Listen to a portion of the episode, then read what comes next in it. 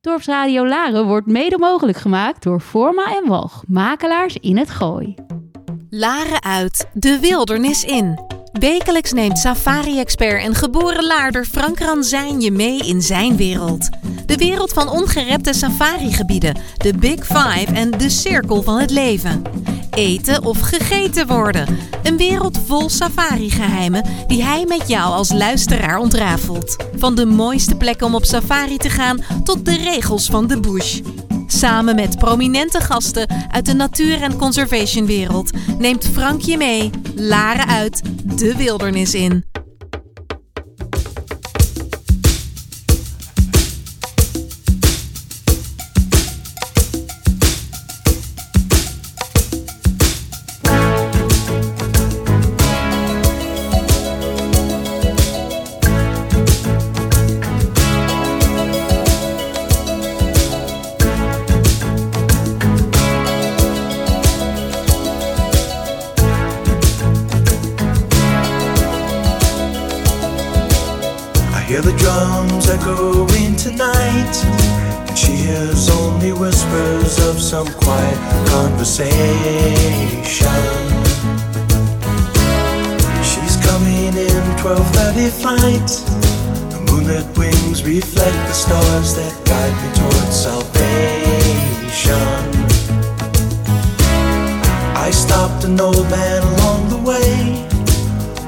Find some old forgotten words or ancient melodies. He turned to me as if to say,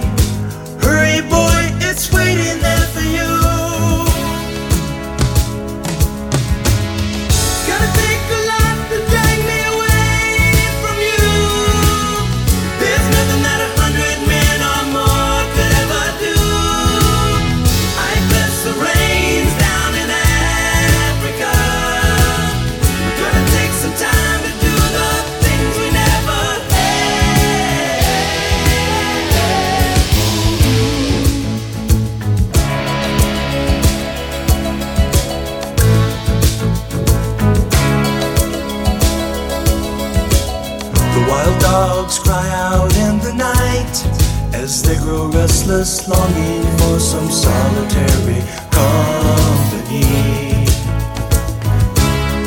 I know that I must do what's right, sure as Kilimanjaro rises like Olympus above the Serengeti. I seek to cure what's deep inside, frightened of this thing that I've become.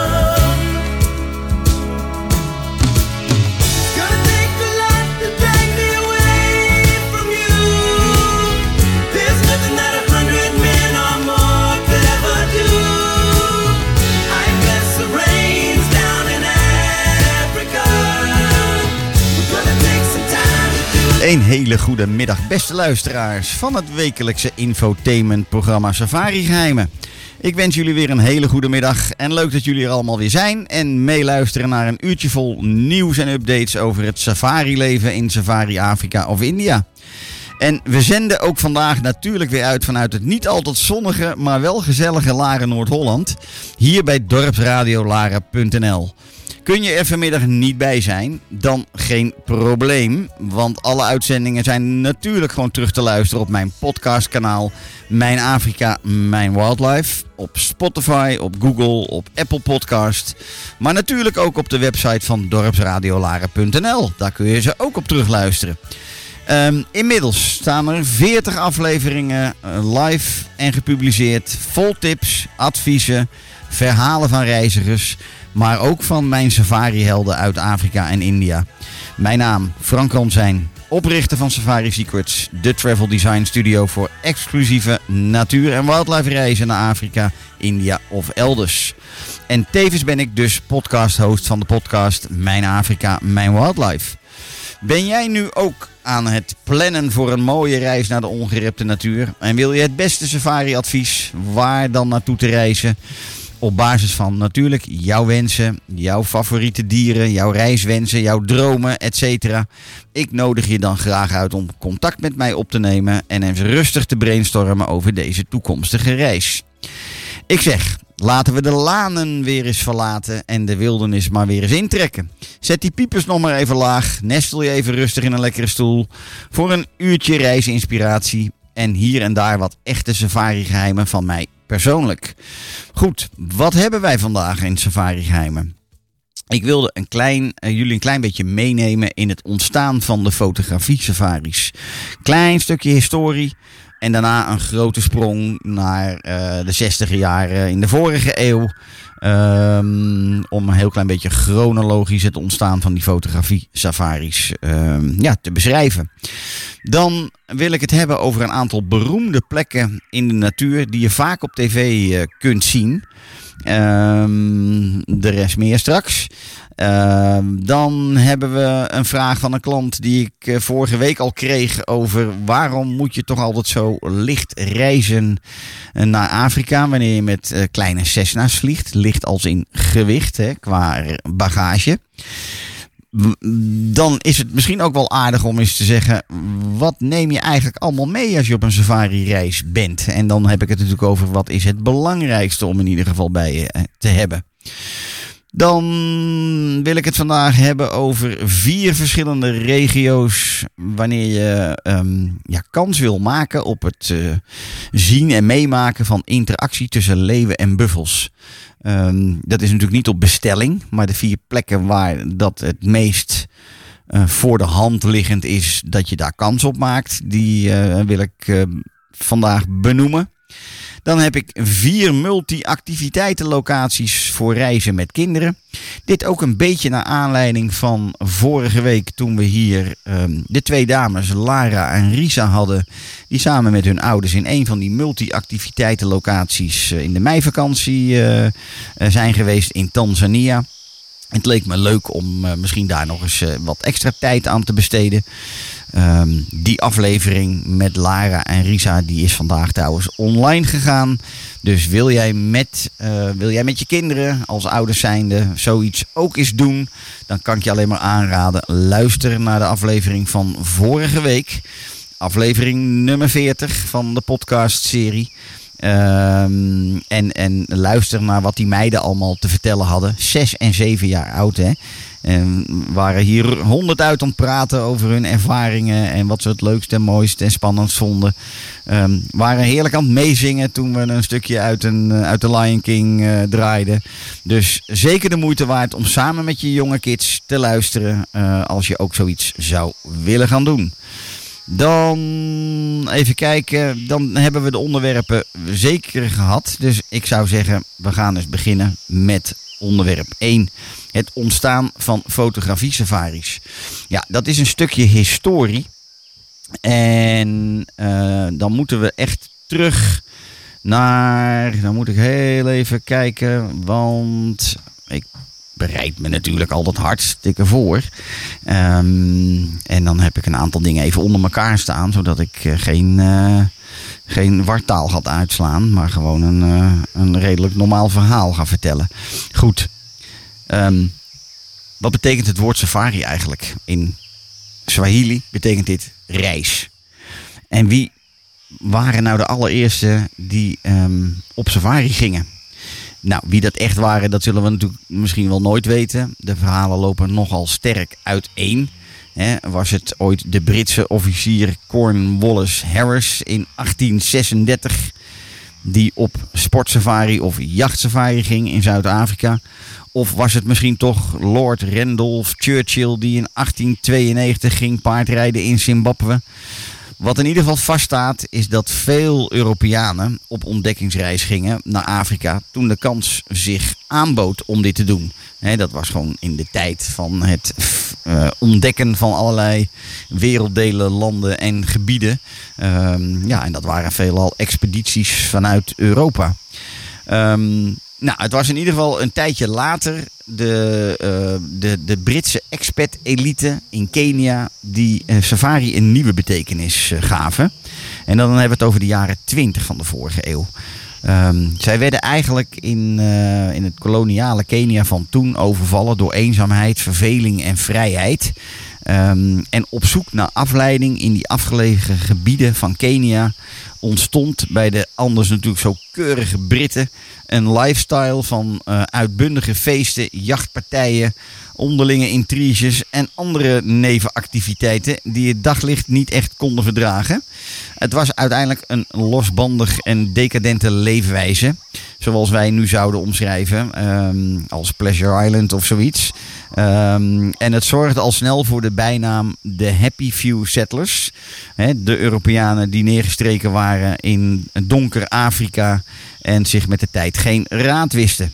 Nou, een safari eh, toen, in die eh, begin jaren eh, 20 van de vorige eeuw, een, eh, een safari bestond uit een stoet, een stoet van paard en wagens. eh, begeleid vaak door een, eh, een redelijk legertje aan eh, mensen uit Somalië. Die zorgden dan voor het transport en die zorgden voor de, de, de inwendige mens. Ehm, maar er gebeurde nog iets. Men nam ongeveer de complete huisraad mee, de bush in. Van het allerduurste porselein tot het beste tafelzilver. Alles werd op die, eh, op die paarden of op die karren van die, eh, van die wagens geladen. En ehm, nou, hele bekende pioniers uit die tijd, voor diegenen die wel eens in Afrika geweest zijn of daar wel eens wat over gelezen hebben, die zullen de namen Danish Finch Hatton zeker wat zeggen. En natuurlijk denk ik ook wel Karen Blixen. En zij werden later, in latere jaren, dan maken we een beetje een sprongetje, werden zij natuurlijk gevolgd door andere mensen waar belangrijke, bekende boeken over eh, zijn verschenen. Zoals Cookie Gallman. Eh, ik droomde van Afrika. En ehm, nou ja, nog weer een beetje later, of alhoewel, dat was ook in de twintiger jaren. De familie Kotters. Kelvin Kotters hebben we een aantal weken geleden hier nog in de uitzending gehad. Vierde generatie safari-operators in Kenia. En zijn, ehm, zijn familie startte in de twintiger jaren vorig jaar al natuurlijk met eh, safaris. Veelal dus jachtsafaris. Dan maken we een sprong. En ehm, de sprong is een beetje naar de 60 jaren.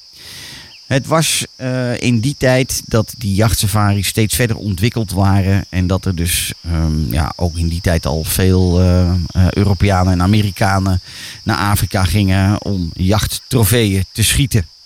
Ehm, en een hele bekende naam in de 60 jaren in Afrika was Norman Carr. Norman Carr, een van de grondleggers van de wandelsafaris in eh, Zambia. Hij was toen eh, gids op jachtsafaris.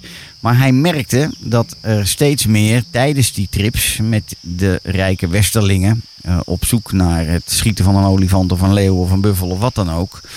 dat er in die, in die, tijdens die safaris eigenlijk ook wel steeds meer de vraag kwam... dat mensen gewoon wilden kijken.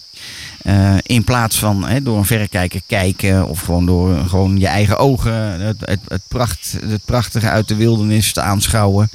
Ehm, en daar meer tijd voor te nemen. Dat is precies de crux waar hij dacht van er is dus iets meer dan alleen maar jagen in de wildernis. Er bestaat ook nog zoiets als genieten van het wild en de natuur. En die gewoon met je eigen ogen aanschouwen in plaats van het ehm, ja, te schieten als trofee. Nou, dat is denk ik het begin van de fotografie-safaris. Want uiteindelijk werd het schieten met een geweer het schieten met fotocamera's. Ehm, en dat heeft zich natuurlijk in een sneltreinvaart eh, ontwikkeld. ehm, door de decennia heen. Hè, van natuurfilmers en, en beroepsfotografen die steeds meer gingen doen middels fotografie. Ehm, en nu heden ten dagen kennen we de fotografie safaris eh, nog steeds. De, de, de, ik denk dat 98% van de mensen die op safari gaan, zullen een fotocamera meenemen. De een zal het wat meer hobbymatig eh, gebruiken dan de ander. De een is oké met een paar leuke vakantiekiekjes. De ander is er echt op uit om de meest mooie natuurbeelden vast te leggen. Eh, dan heb je de semi-hobbyfotografen en de semi-professionele fotografen en de full professionals. En dat heb je natuurlijk zowel in, ehm, ehm, ja, in fotografie als in film. Ehm, want ook daarin is er natuurlijk wel wat gebeurd. De iets ouderen onder ons, die zijn ongetwijfeld bekend met een aantal eh, de, de, de eerste pioniers op het gebied van natuur, ehm, natuurfilms. Hè. Jacques Cousteau, die dat vooral deed eh, op en onder water. Maar wij hadden natuurlijk ook nog een eh, beroemde Nederlander die zich daar al heel vroeg mee ehm, bezig hield. Ehm, Hugo, van, Hugo van Lawik. Later getrouwd met, ja, hoe heet ze nou? Jane Goodall. Hè, hè? Moest even goed nadenken. Ehm, en Hugo van Lawik begon ook al in de 60er, 70er jaren heel veel te filmen op de beroemde plekken van bijvoorbeeld de Serengeti. En ehm, nou, heeft in zijn eh, leven ongelooflijk eh, ehm, beroemde films eigenlijk gemaakt. Die nog steeds eh, vindbaar zijn. Beroemde films over de Serengeti. Beroemde films over de wilde honden die tientallen jaar geleden nog bij grote aantallen voorkwamen in de Serengeti. Et cetera, et cetera. Nou, tegenwoordig gebeurt er natuurlijk heel veel meer eh, op dat front. En daarmee maak ik denk ik ook het bruggetje naar de fotografie safari zoals we dat nu kennen. Ehm, en de natuurdocumentaires zoals we deze nu kennen. Eh, die zorgen er ook voor dat heel veel beroemde plekken uit de natuur eh, vaak op tv te zien zijn. En wat ik er zo leuk aan vind, is dat die beroemde plekken, die kun je op tv bekijken. En dat is ook heerlijk als je even niet op reis bent en als je van dit onderwerp houdt en gewoon kunt genieten van hoe prachtig dat is eh, vastgelegd ehm, eh, in de natuur. Ehm, maar je kunt deze plekken natuurlijk ook gewoon zelf bezoeken. En heel veel van die plekken, zonder dat je er erg in hebt misschien, die heb je al heel vaak eh, op tv misschien wel gezien in allerlei films en documentaires. Terwijl als jij daar zelf als gast verblijft, heb je daar niet eh, eigenlijk erg in. Dat je misschien wel op een plek bent, ehm, behalve dan als je de plek gaat herkennen. Ehm, maar het zijn die filmmakers die op plekken werken die veelal ook heel bekend zijn in de safari-industrie. Nou, laten we eens een paar van die, ehm, van die leuke beroemde plekken bekijken. Bekijken als in, ik denk dat we allemaal van diegene die van reizen houdt, van natuur en wildlife houdt, van Afrika houdt. Die heeft ongetwijfeld wel eens gehoord, en zeker eh, gehoord of gezien, van de beroemde serie Big Cat Diary. Big Cat Diary is een programma wat, ehm, nou, ik weet, niet, ik weet niet eens, dat heb ik ook niet opgezocht, hoe lang loopt die serie.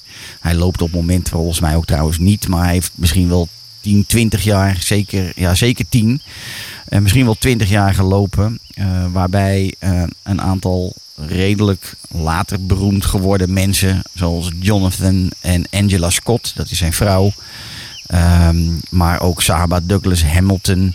Ehm, ook weer een, ehm, een afstammeling van een beroemd safari-geslacht.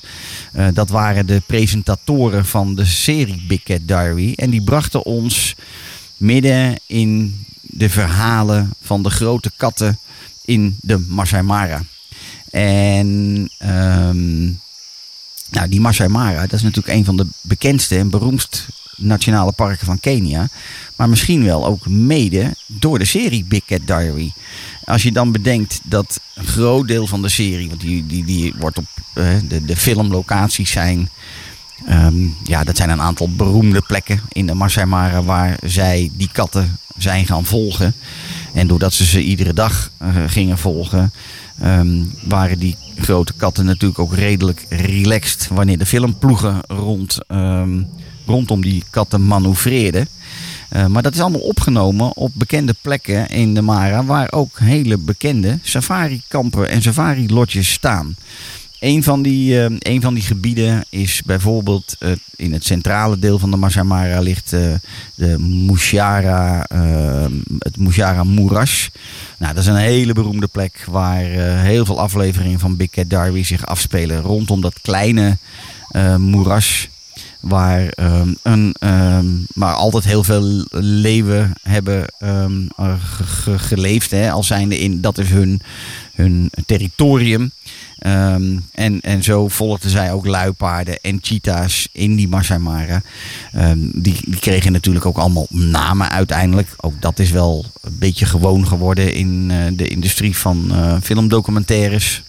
Ondanks dat er heel veel discussie over is of je dieren moet gaan, ehm, ja, hoe zeg je dat? Ehm verpersoonlijken, denk ik, hè, met ons mensen. Maar goed, ook dieren hebben allemaal zo hun eigen karaktertrekken. En dus hebben die dieren in die series bijna allemaal een naam. Zodat je ook iedere nieuwe aflevering, als we het over een bepaalde kat hebben, ook wel wie weet over welke kat ze het hebben. Nou, dus Big Cat Diary, een van die plekken waar jij als safari-toerist gewoon naartoe kan, naar dat gebied. En kunt verblijven in de safari-kampen rondom de gebieden waar zij heel veel gefilmd hebben. Ehm, en met een beetje goede wil ga je een aantal van die plekken ook wel herkennen, puur vanuit de serie. Ehm, hetzelfde geldt een beetje voor een, ehm, een natuurdocumentaire serie die ik de afgelopen jaar heel veel gevolgd heb. Op een eh, natuurdocumentaire serie. Eh, op op eh, eh, kanaal moet ik zeggen, niet serie. Of Nature. Het zit niet in iedereen's tv-pakket volgens mij. Maar zou je nou ehm, Law Nature wel op jouw tv-pakket hebben, dan kan ik je aanraden om bijvoorbeeld te gaan kijken. Dat, dat is een zender vol met natuurdocumentaires en series. Naar bijvoorbeeld het programma Camp Zambia, wat vaak voorbij komt. Dat wordt wel heel veel herhaald, zodat je dat eens in de zoveel tijd wel terugziet. En zij hebben eh, ook een prachtige eh, documentaire serie gemaakt over de verschillende leeuwentroepen in het South Luangwa National Park. En als je die serie volgt, dan krijg je een ongelooflijk mooie inkijk in hoe die verschillende leeuwenfamilies, ehm, hoe die leven, eh, hoe die interacteren met elkaar. Hoe er eh, takeovers zijn, hè, eh, eh, de, hoe de macht wordt overgenomen door bepaalde mannetjes van de ene groep. ehm, die dan de macht overneemt bij, een andere groep. Ehm, en die, ehm, eh, waarbij die zijn genen weer door kan geven. En zo wordt er in die serie bijvoorbeeld gesproken over een aantal levengroepen. Dat, die, die leven in een gebied waar jij als safari-gast ook kunt komen. En zo hebben we bijvoorbeeld in die serie de MK Pride. En MK Pride staat gewoon voor Mwamba en Kaingo Pride.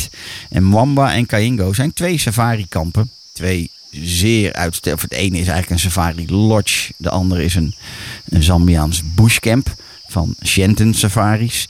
En die MK Pride is vernoemd omdat die leeuwen leven in het gebied tussen die twee en rondom die twee safari-kampen. Nou, wanneer jij nou als safari-gast in een van beide kampen verblijft, en er liggen er nog een aantal hoor, het zijn niet alleen maar de, de, de leeuwengroep is vernoemd naar die eh, streek en die twee kampen, maar er liggen natuurlijk meer safari-kampen. Als jij daar te gast bent, dan kunnen de gidsen jou ook zeker meer vertellen over eh, hetzelfde en het, hetgeen wat jij ook op tv ziet in die documentaire serie. Want die, die levengroepen worden gewoon iedere dag eh, gevolgd en gefilmd door bepaalde filmmakers.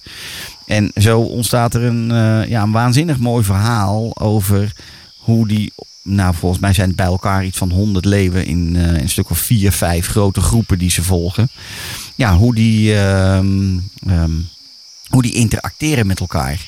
Nou, een derde, een derde gebied waar je eh, veel van op tv ziet en waar je zonder het nadenken als je op safari gaat naar bijvoorbeeld Botswana misschien helemaal niet bij stilstaat. Maar Derek Schubert met zijn vrouw, ehm, dat zijn twee beroemde filmmakers. ehm, die hebben jarenlang in de Okavango, in de noordelijke Okavango Delta films gemaakt. En ehm, als je al iets weet van dit soort Afrikaanse natuurfilms, dan eh, Eternal Enemies is een redelijk bekende en beroemde film. The Eye of the Leopard is een hele beroemde eh, film. The Last Lions of the Okavango Delta is een beroemde film. Het zijn ook eigenlijk allemaal films die ehm, vaak in samenwerking met National Geographic gemaakt zijn. eh, die ook gewoon op grote filmfestivals draaien. Ehm, maar belangrijker, ze worden opgenomen op plekken die wij vanuit de safari-industrie goed kennen als hele beroemde safari-kampen.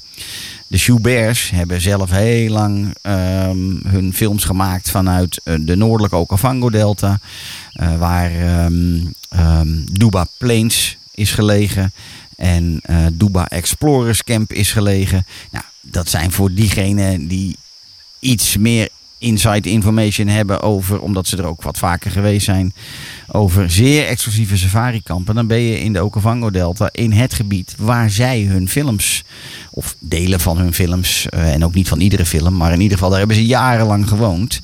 Ehm, en dan ben je eigenlijk gewoon midden in dat gebied wat je ook veelal op tv eh, ziet. Zo hebben ze de Eye of the Leopard eh veelal opgenomen in een van de meest beroemde safarikampen van Botswana, Mombo Camp. En Mombo Camp ligt ehm, op eh, een van de grootste eilanden van, eh, van de Okavango Delta, Chiefs Island. Die is een van de meest exclusieve en ook een van de meest kostbare safarikampen van de Okavango Delta. Mede doordat iedereen, iedere safarigast, natuurlijk naar die plek wilde waar die film was opgenomen. Ehm, ja, zo grijpt dat dan allemaal best wel heel mooi in elkaar. En zo worden safarikampen soms beroemd van films. En ehm, ja, eh, eh, een beetje een wisselwerking beide kanten op. Zo kun jij, als jij iets ziet op tv en denkt, joh, dat wil ik met eigen ogen aanschouwen. Dan kan ik jou zeker vertellen eh, waar te moeten verblijven om in dat soort regio's terecht te komen. Ik zeg, we gaan een stukje muziek doen. En dat wordt Selema uit Zuid-Afrika.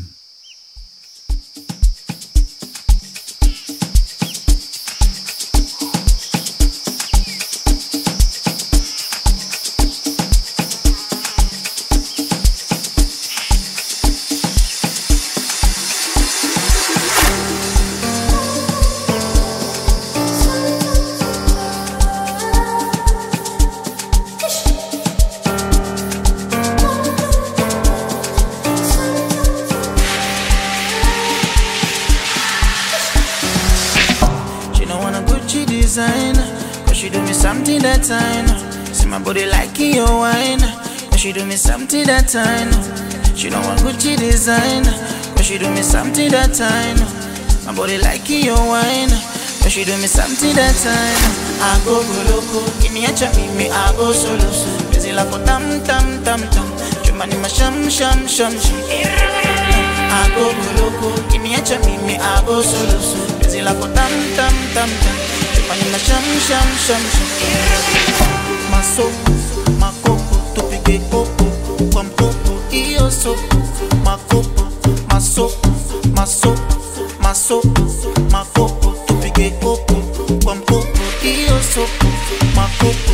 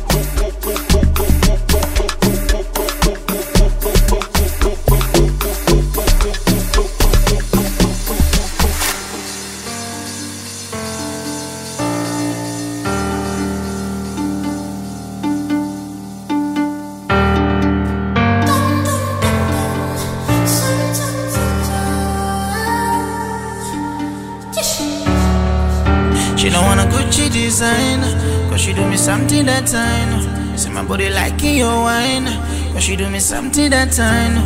She don't want Gucci design, cause she do me something that time. My body like your wine, cause she do me something that time. I go go loco, give me a chami, me I go solo.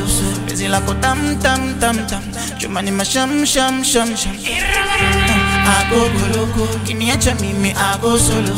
Busy like a tam tam tam tam, Jumani ma sham sham sham sham. DJ DJ din I did your way, so I did silly.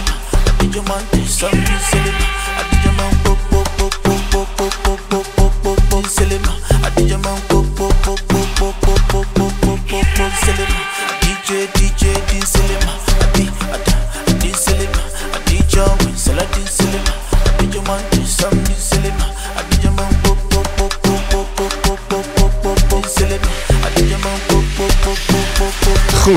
Zijn weer een beetje opgepookt door de opzwepende muziek van Selema uit Zuid-Afrika.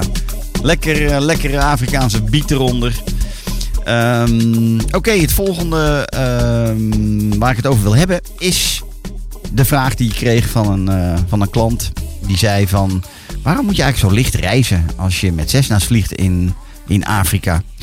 Ja, nou, dat is eigenlijk niet zo heel moeilijk. Cessna'tjes zijn maar kleine vliegtuigjes, hebben kleine luikjes.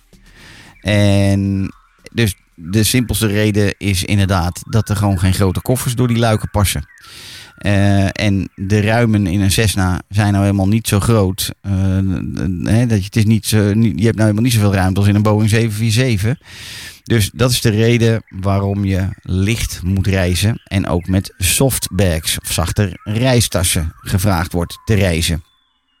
Dan zijn er natuurlijk altijd mensen die zeggen: Ja, maar jeetje, ik heb heel veel spullen bij me. En eh, dan zijn ehm, bij bijvoorbeeld die spullen waar we het net over hadden, van al die hobbyfotografen, al die camera's met die joekels van lenzen en ehm, batterijen en allerlei verschillende lenzen. Dat weegt natuurlijk een hele hoop. Ehm, goed, dat zijn vaak handbagagezaken. De safari-industrie is zeer informeel. En doordat het zo informeel is en doordat je bijna in elk safari-kamp je kleding kan laten wassen, is het dan ook zo dat je inderdaad in je ehm, reistas eigenlijk gewoon helemaal niet zoveel hoeft mee te nemen zodat je inderdaad licht kunt reizen. Nou, op de gemiddelde Cessna vlucht mag je 15 kilo bagage meenemen. Ehm, in sommige ehm, landen is het inclusief handbagage. In andere landen is het exclusief.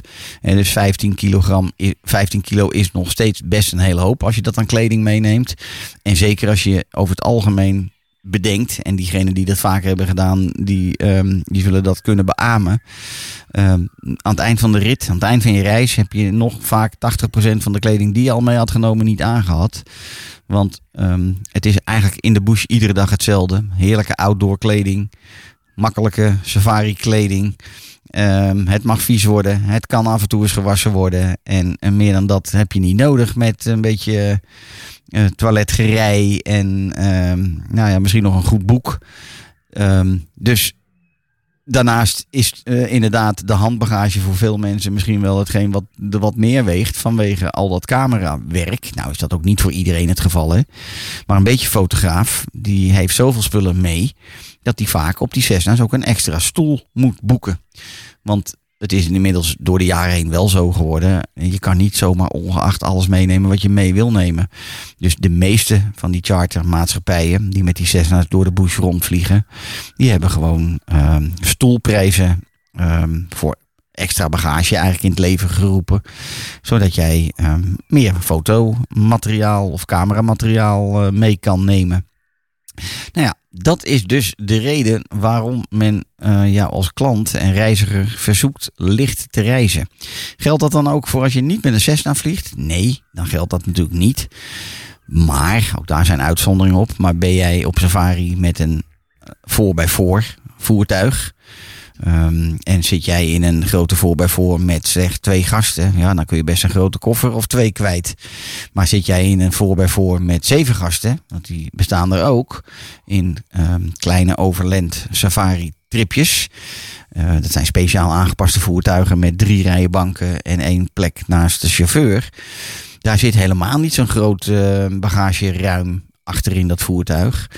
En eh, dan kun je ook niet met grote koffers reizen. Dus uiteindelijk is het vooral de advies, of is het advies om ehm, ja, zo licht mogelijk te reizen. eh, Met de wetenschap dat je s'avonds niet in driedelig kostuum aan tafel hoeft te zitten.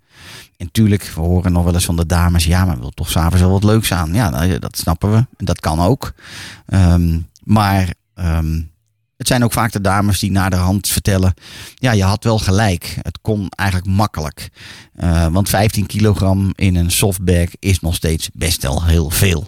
En misschien neem je een paar setjes minder aan schoenen mee. Ehm, goed, wat neem je hoe dan ook mee op een safari-reis?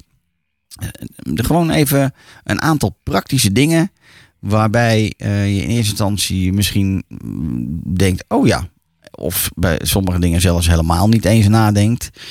Maar een aantal van de dingen waarvan ik denk dat het altijd goed is om bij je te hebben, is zeker op safari, is een verrekijker. Er zijn genoeg mensen die daar aankomen ehm, en die, die geen verrekijker mee hebben. En dan is het de gids die, eh, die, heeft wel een verrekijker. Die moet continu die, die, die verrekijker eh, door, door, eh, doorgeven aan zijn gasten in zijn voertuig. Of op een wandel, wandelsafari. En dat is eigenlijk helemaal niet handig. Niet voor die gids, maar ook niet voor jou als ehm, safari-reiziger. Je wil zelf gewoon kunnen zien en kunnen kijken naar wat er op dat moment om je heen gebeurt. Dus tip 1, een verrekijker. En het liefst allemaal je eigen verrekijker.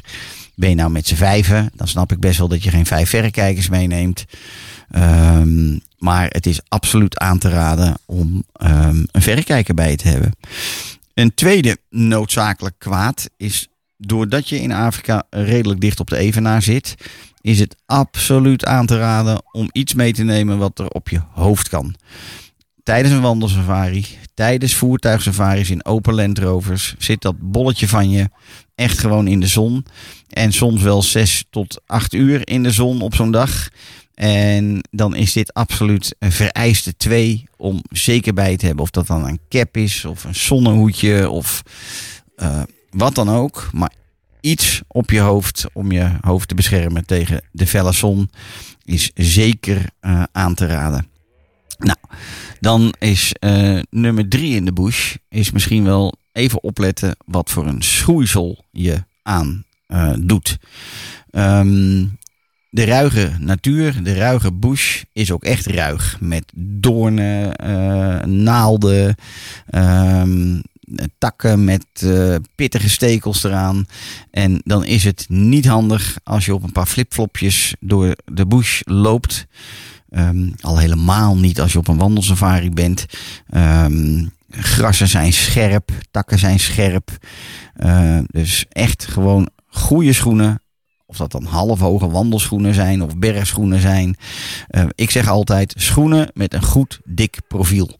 Waar niet direct de eerste beste naald doorheen eh, gaat. ehm, en drie centimeter in je voet steekt. Je bent op vaak zeer ongerepte plekken ver weg van alles en iedereen qua medische zorg. Ehm, dus het is ook gewoon absoluut niet handig als je dat overkomt. Nou is het ook wel weer zo dat in, ehm, in bijna ieder safari-kamp eh, delen van het personeel, of misschien wel al het personeel, goede, goede opleidingen hebben genoten rondom eerste hulp. Dus je wordt zeker goed geholpen als er zoiets zich voordoet. Maar je kunt het zo simpel voorkomen door een aantal van deze belangrijke dingen echt heel even in je op te nemen en ook eh, op te schrijven of in ieder geval ehm, daarvoor te zorgen. Hetzelfde geldt voor kleding. Het kan in Afrika echt alle kanten opschieten qua temperaturen. En nou kun je daar het best op voorbereiden door je van tevoren natuurlijk goed in te lezen en te laten informeren over welk jaargetij je waar bent. Ehm, maar je zal ze de kost moeten geven die op safari gaan en denken ik ga naar het lekkere, warme Afrika. Ehm, en ik ga heerlijk op safari in mijn t-shirtje en mijn korte broek. Dan kan je nog wel eens bedrogen uitkomen. Want in de meeste eh, bushgebieden kan het s'nachts fors afkoelen. En dan heb ik het ook echt over fors afkoelen. Temperaturen net boven het vriespunt, rondom het vriespunt. En tussen de 0 en de, eh, de 15 graden zijn heel, eh, zijn heel gebruikelijk in de winters al daar. Ook dat weer per land verschillend natuurlijk. Het ene heeft een wat gematigder klimaat dan het andere. Maar ga bijvoorbeeld in Zuid-Afrika in hun winter, juni tot en met augustus op safari. Dan is het 's morgens om 6 uur in die Land Rover. Ik noem dat altijd maar heel even op z'n Hollands gezegd. Knijten koud. En dan wil je alle kleding die je bij je hebt over elkaar aantrekken. En daar overheen nog een goede dikke trui. En daar overheen nog een goed eh, windjack. Ehm, en een sjaal en handschoenen, handschoenen, als je die mee hebt, die komen ook van pas. Ehm, dus bereid je goed voor. Weet waar je bent, wanneer je waar bent. En zorg dat je veel dunne laagjes over elkaar kunt aantrekken. En ook weer uittrekken. Want 6 uur 's morgens koud, heel koud. Zeker in een open Land Rover met een gevoelstemperatuur die nog kouder is dan het daadwerkelijk is. Ehm, en om een uurtje of 9 à 10 bij je koffiestop is het vaak alweer zo opgewarmd dat je het meeste alweer hebt uitgetrokken. En ehm, soms zelfs ook weer gewoon in je korte broek eh, in dat voertuig zit. Dus volgens mij zit ik nu op 4. Nou, nummer 5, ook heel belangrijk. Zonnebrand en iets tegen insecten. Eh, zonnebrand natuurlijk, omdat je wederom, wat ik al vertelde, op, eh, op een plek bent in Afrika waar je nou helemaal nog, eh, of waar je veel dichter op de evenaar zit dan bij ons hier. Dus de kracht van die zon is zeer sterk. En ehm, het is absoluut aan te raden veel en vaak en goed in te smeren. En hetzelfde geldt een klein beetje voor die momenten dat bepaalde insecten nogal actief zijn en muggen vooral actief zijn. Een goede eh anti-muggenspray met 50% date is absoluut aan te raden om mee te nemen. En om niet alleen mee te nemen, maar ook vooral je daarmee flink in te smeren of eh, in te sprayen. Nou, dan denk ik dat ik gewoon vijf hele simpele, maar absoluut goed bedoelde ehm, must-haves heb genoemd. Die je echt mee moet nemen op reis. Dan komen er een aantal andere die ook wel belangrijk zijn hoor. Het is altijd fijn dat je naast een paar goede schoenen misschien een paar, eh, een paar lekkere slippers bij je hebt. Voor in en rond de lodge of in en rond eh, je, de, de plek als je nog naar het strand gaat aan het einde. En, ehm, en zwemgerij is dan natuurlijk ook wel eh, een, een vereiste.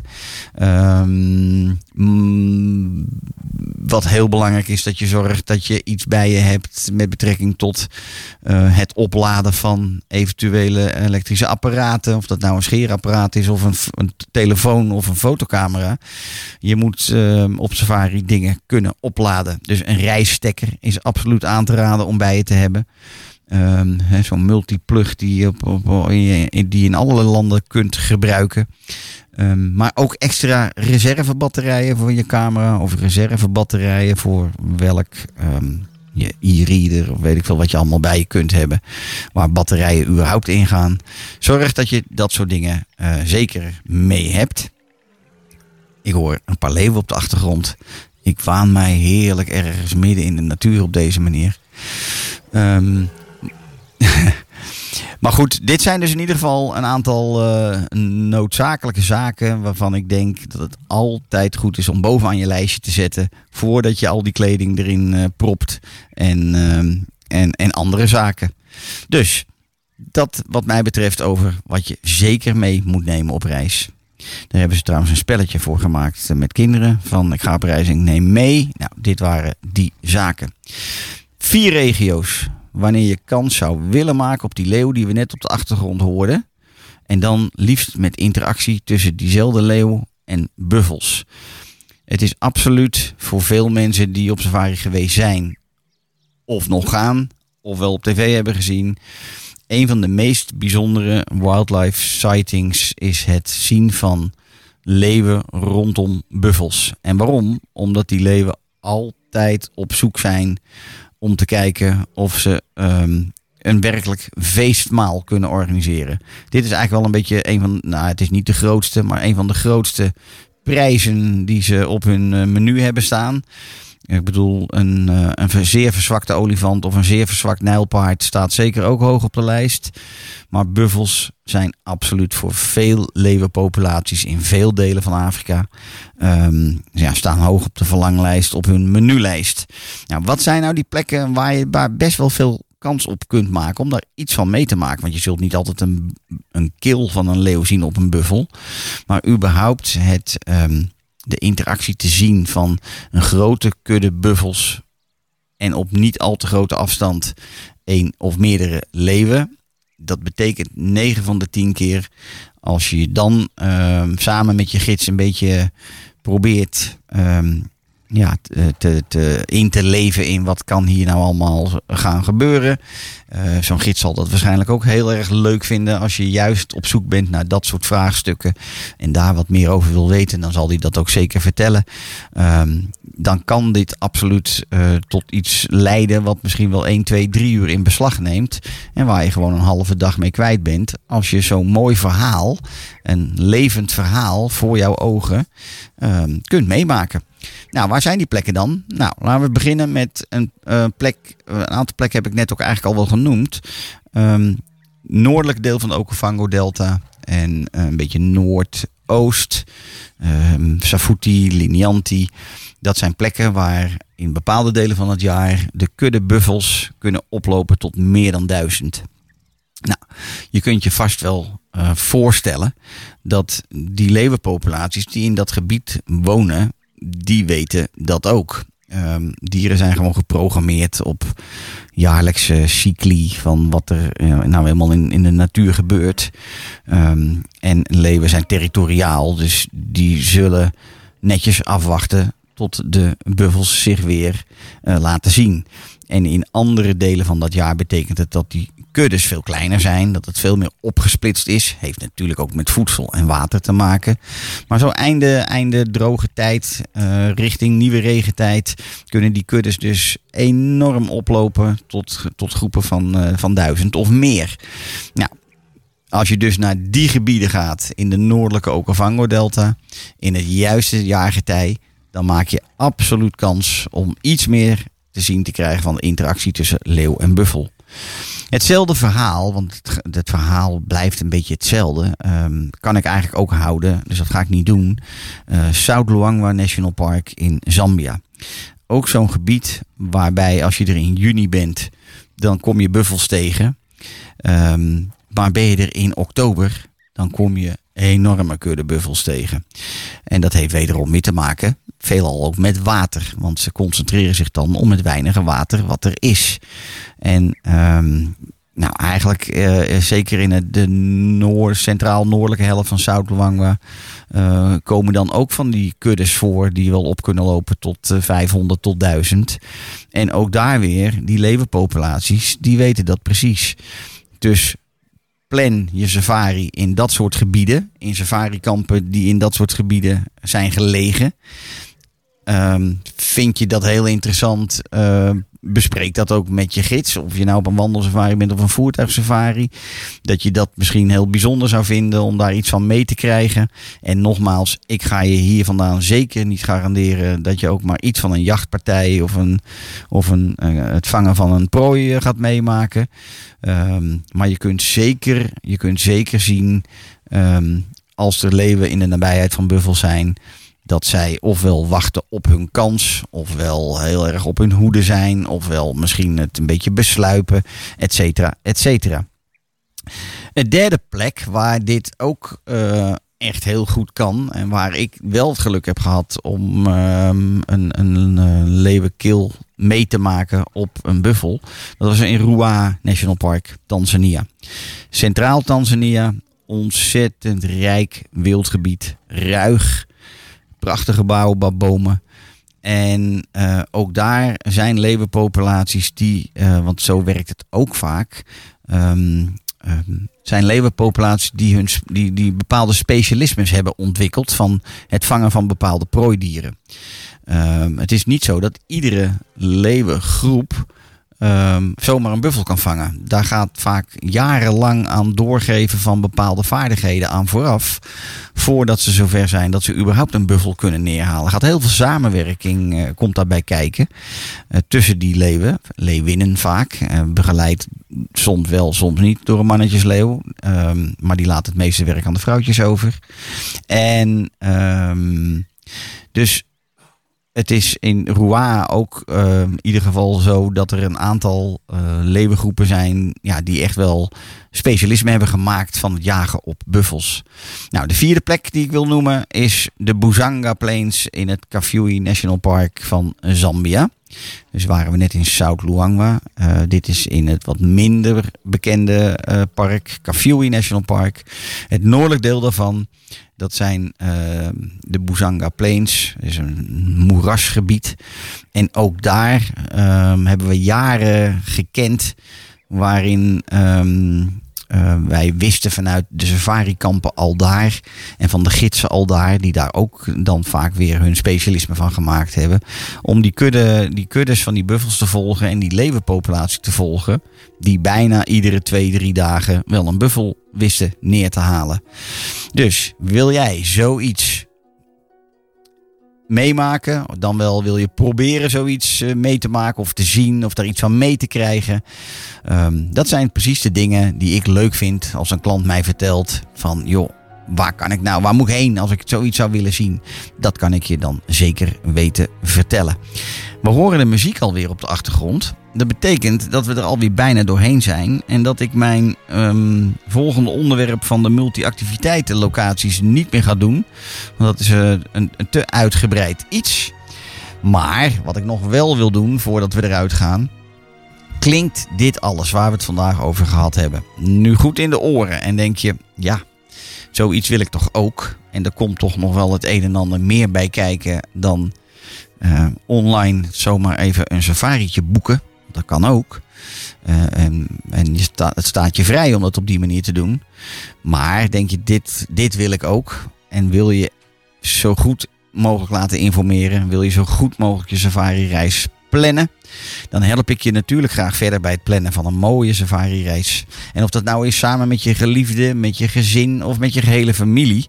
Om iets heel bijzonders te vieren. Stuur dan een e-mail naar info.safarisecrets.nl Of bel met 06 24 732 882. Nog veel leuker is het om een inspirational walk and talk in de park te reserveren bij mij. We gaan dan samen op pad in de natuur. Hopelijk op een beetje een, mooi weerdag. En dan sparren we samen over de voor jullie zeer specifieke reiswensen, eh, reiswensen en verwachtingen voor jullie once in a lifetime safari reis. Ik hoop je dan ook de eerste clues te kunnen geven waarvan ik denk dat je vrolijk en gelukkig gaat worden als je op reis bent.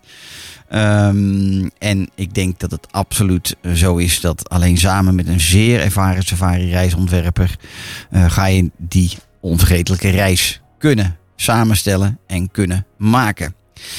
Ik wil jullie allemaal weer bedanken voor het luisteren naar deze radio-uitzending van dorpsradiolaren.nl.